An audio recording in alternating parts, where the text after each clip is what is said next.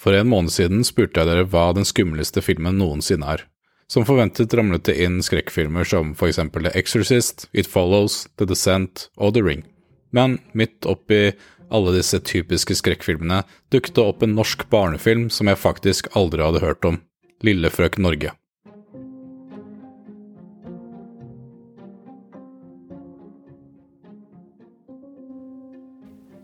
Først tenkte jeg kan en familiefilm og en eventyrfilm skremme deg så mye? I min oppvekst hadde jeg ingen forhold til denne filmen, og tenkte det bare var én person som syntes kanskje en scene eller to fra filmen var skummel, men det viste seg å være flere.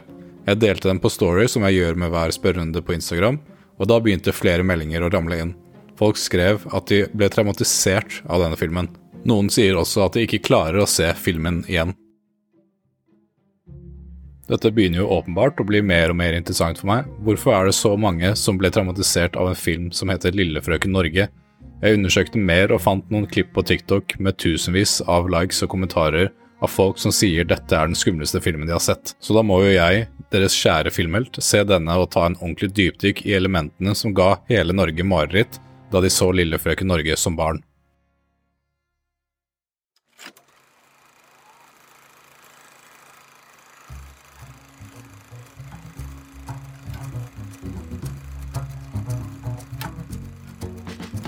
Velkommen til en bonusepisode av Filmhelten podcast. I disse episodene tar jeg et ekstra dypdykk i filmer og serier, og finner ut hva mer som ligger bak de. Gjerne følg podkasten, legg igjen en vurdering, og del med andre om du liker episoden.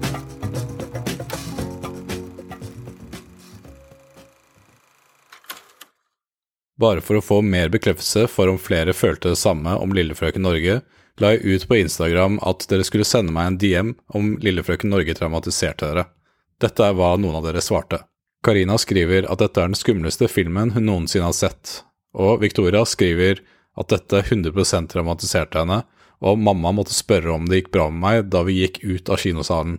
Victoria legger også til at moren hennes måtte forklare henne hvorfor stemoren ble stygg i speilet på slutten av filmen og denne scenen skal vi snakke mer om etterpå. Ingrid skriver om jeg ble traumatisert i en alder av 24, synes jeg fortsatt Ingrid Lorentzen er skummel. Dette er altså skuespilleren som spiller den onde stemoren. Så hvordan endte vi her? Hva gjør at Lillefrøken Norge er den første filmen en del tenker på når man spør hva den skumleste filmen er?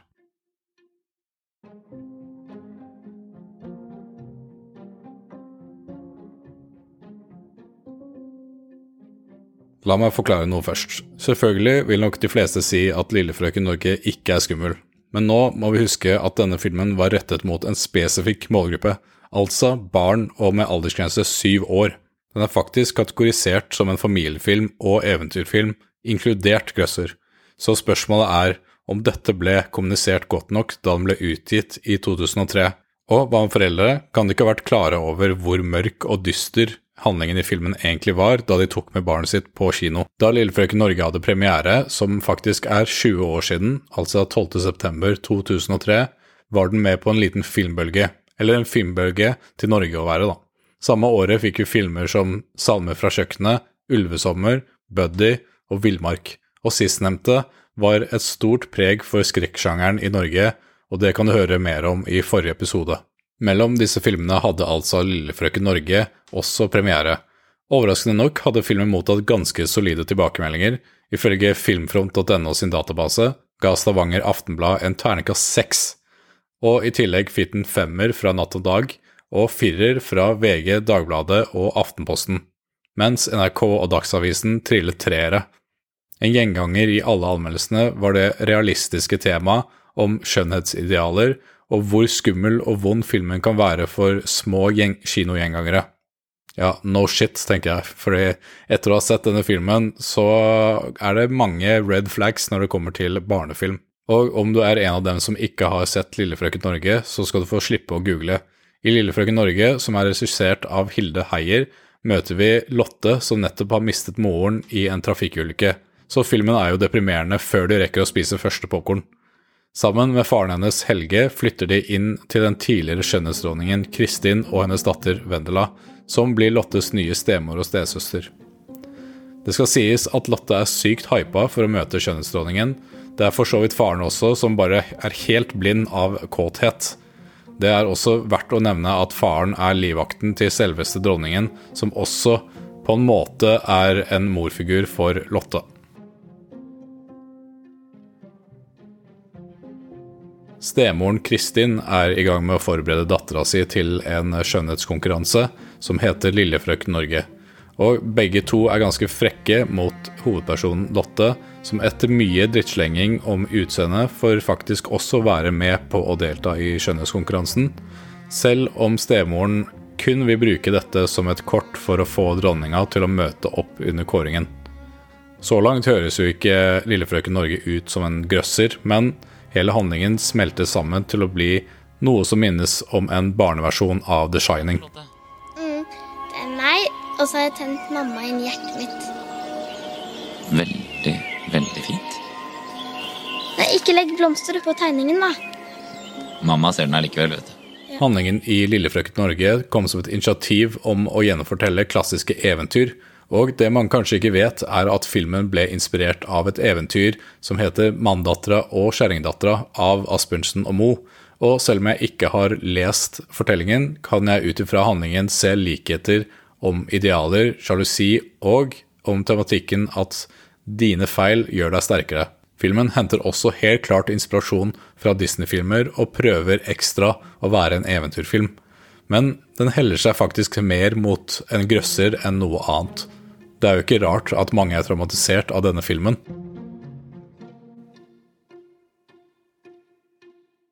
Mia, en god venn av meg, beskriver det ganske bra selv. Hun var også en av de som så filmen da hun var liten og bestemte seg til og med for å se den om igjen nylig. Og jeg spurte henne om hun kunne dele noen tanker om filmen, hvor hun svarte den filmen satte virkelig en skrekk i meg i mange år. Jeg så den nylig på nytt fordi jeg så hun som spilte stemoren gjeste i God morgen Norge, og fikk frysninger da jeg så henne. Mia skriver videre at huset hvor handlingen tok sted, virka stort og gammelt, og at de prøvde å gjemme seg for naboer. Den kremen som moren jobbet med på den klinikken, var jo som dop, som fikk de små barna til å gå fra å være redde og sinna til å endre helt mening og holdning. Og tenk at de også hadde en fettsugingsmaskin hjemme. Det var faktisk noe jeg som barn ønsket å ha hjemme selv. Og mest av alt var stemoren manipulerende og skikkelig dominerende, og hun gjorde hva som helst for å få det hun ville.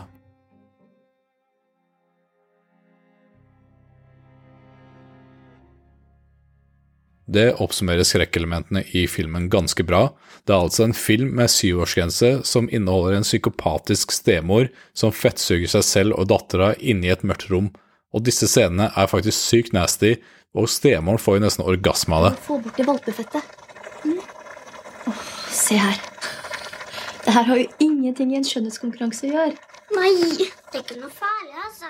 I tillegg har vi denne kremen som stemoren får hendene sine på fra et skjønnhetsselskap hun jobber for, og hun bruker det for å, som Mia sier, på en måte dope ned barna sine, og fungerer nesten som et skjønnhetsfilter som vi ser i dag på Instagram og TikTok, når kremen på magisk vis fjerner arr og rynker.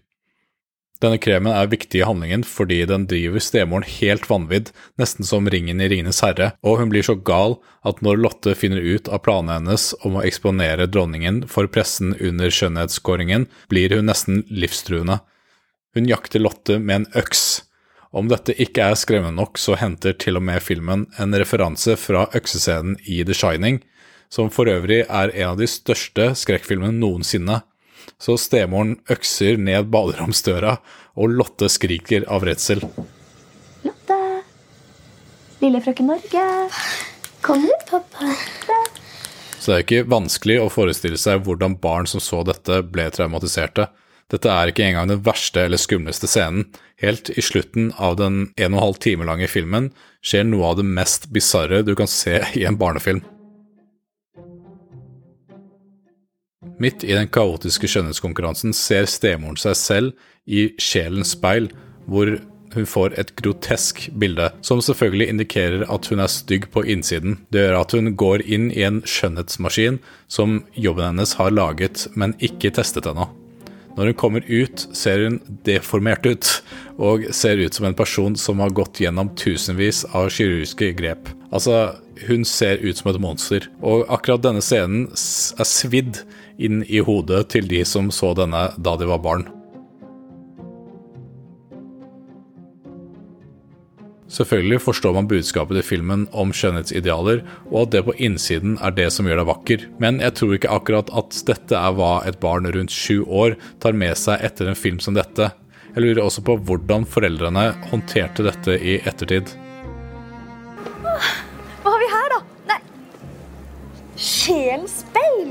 Skulle ant det? At jeg bare elsker speil! Tusen takk til lille Lotte. Hva som gjør ting ekstra ukomfortabelt, er jo at det eneste voksne mennesket som ikke er syk i huet, altså faren som blir spilt av Bård Tufte Johansen, ikke klarer å se alle de røde flagga til stemoren og tenker bare på sex. Noen av de scenene hvor faren og stemoren er i det røde rommet med alle dyra, skal jo selvfølgelig indikere noe seksuelt. Det er til og med random eksotisk musikk i en barnefilm. Så nei da, her er det altså lille Lotte som ble spilt av Ida Maria Dahr Nygaard, som er helten fra start til slutt, og det er nesten ingen lykkelige øyeblikk annet enn de scenene med dronninga som jeg helt ærlig ikke skjønner poenget med. Uansett så er det tydelig at Lillefrøken Norge var ment for et spesifikt publikum, men kanskje ikke traff helt mål. Jeg tviler på at målet var å sende barn hjem med mareritt på denne måten. Nå har jeg kun tatt dette ut ifra folk jeg har snakka med, og sier ikke at alle som så den ble traumatisert. Jeg tror heller ikke filmen kunne ha blitt laga i dag med måten stemoren trener opp barna med lettkledde klær og upassende låter. Som en film som utforsker skjønnhetsidealer og sjalusi, er den faktisk kreativ, og jeg vil si at temaet er mer relevant i dag, men som en eventyrfilm eller barnefilm er det en misfire.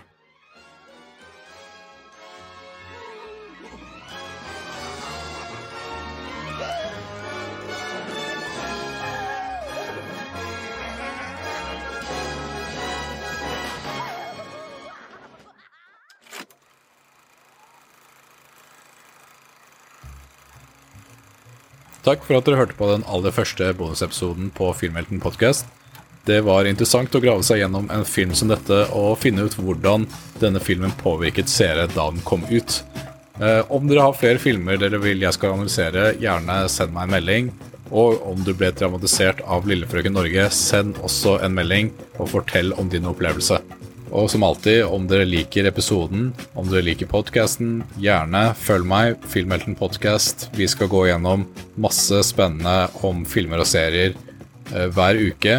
Neste episode kommer på torsdag, fordi dette her var en bonusepisode. Og eh, hovedsakelig kommer episodene ut på torsdager. Og da skal vi gå gjennom eh, Martin Scorseses 'Killers of the Flower Moon'. Så det blir veldig gøy. Yes, som sagt, følg meg. Eh, sett på varsel, sånn at dere får opp episoden når det publiseres. Og gjerne gi meg en ærlig vurdering. Det hadde jeg satt veldig stor pris på for at flere kan eh, kanskje legge merke til denne podkasten. Vi snakkes i neste episode på torsdag.